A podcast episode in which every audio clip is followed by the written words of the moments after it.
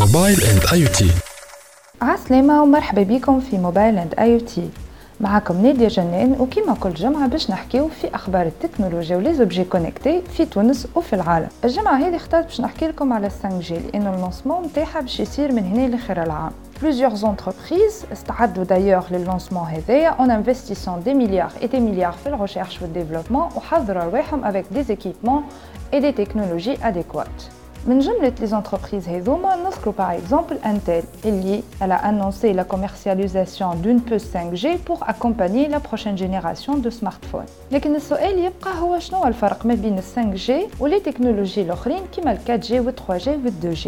أول فرق هو la vitesse. La 5G باش تمكننا انه نعملو تيليشارجمون دي زابليكاسيون نتاعنا والا ستريمينغ والا ترانسفير دو دوني في وقت اقصر برشا et avec une plus grande vitesse تتحسب بالملي سكوند واذا كان نقولوا فيتيس اقوى يعني une latence beaucoup plus faible les deux éléments هذوما باش يخليو اليوزر اكسبيرينس تكون احسن برشا Cela veut dire nous regarder une vidéo par exemple sur un réseau 5G,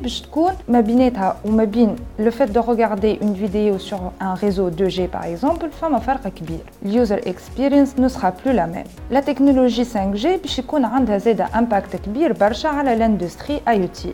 Les analystes roulent déjà et les 5G créent des opportunités que ce soit pour les applications mobiles IoT ولا حتى les développeurs نتاعهم. اللي باش تخلق لهم برشا فرص عمل sans parler des revenus اللي باش يتزادوا في الاندستري هذيا. وكما يقولوا ناس بكري اللي ما يشقى ما يلقى. كان هذا كل شيء في موبايل إند اي تي الجمعة هذه.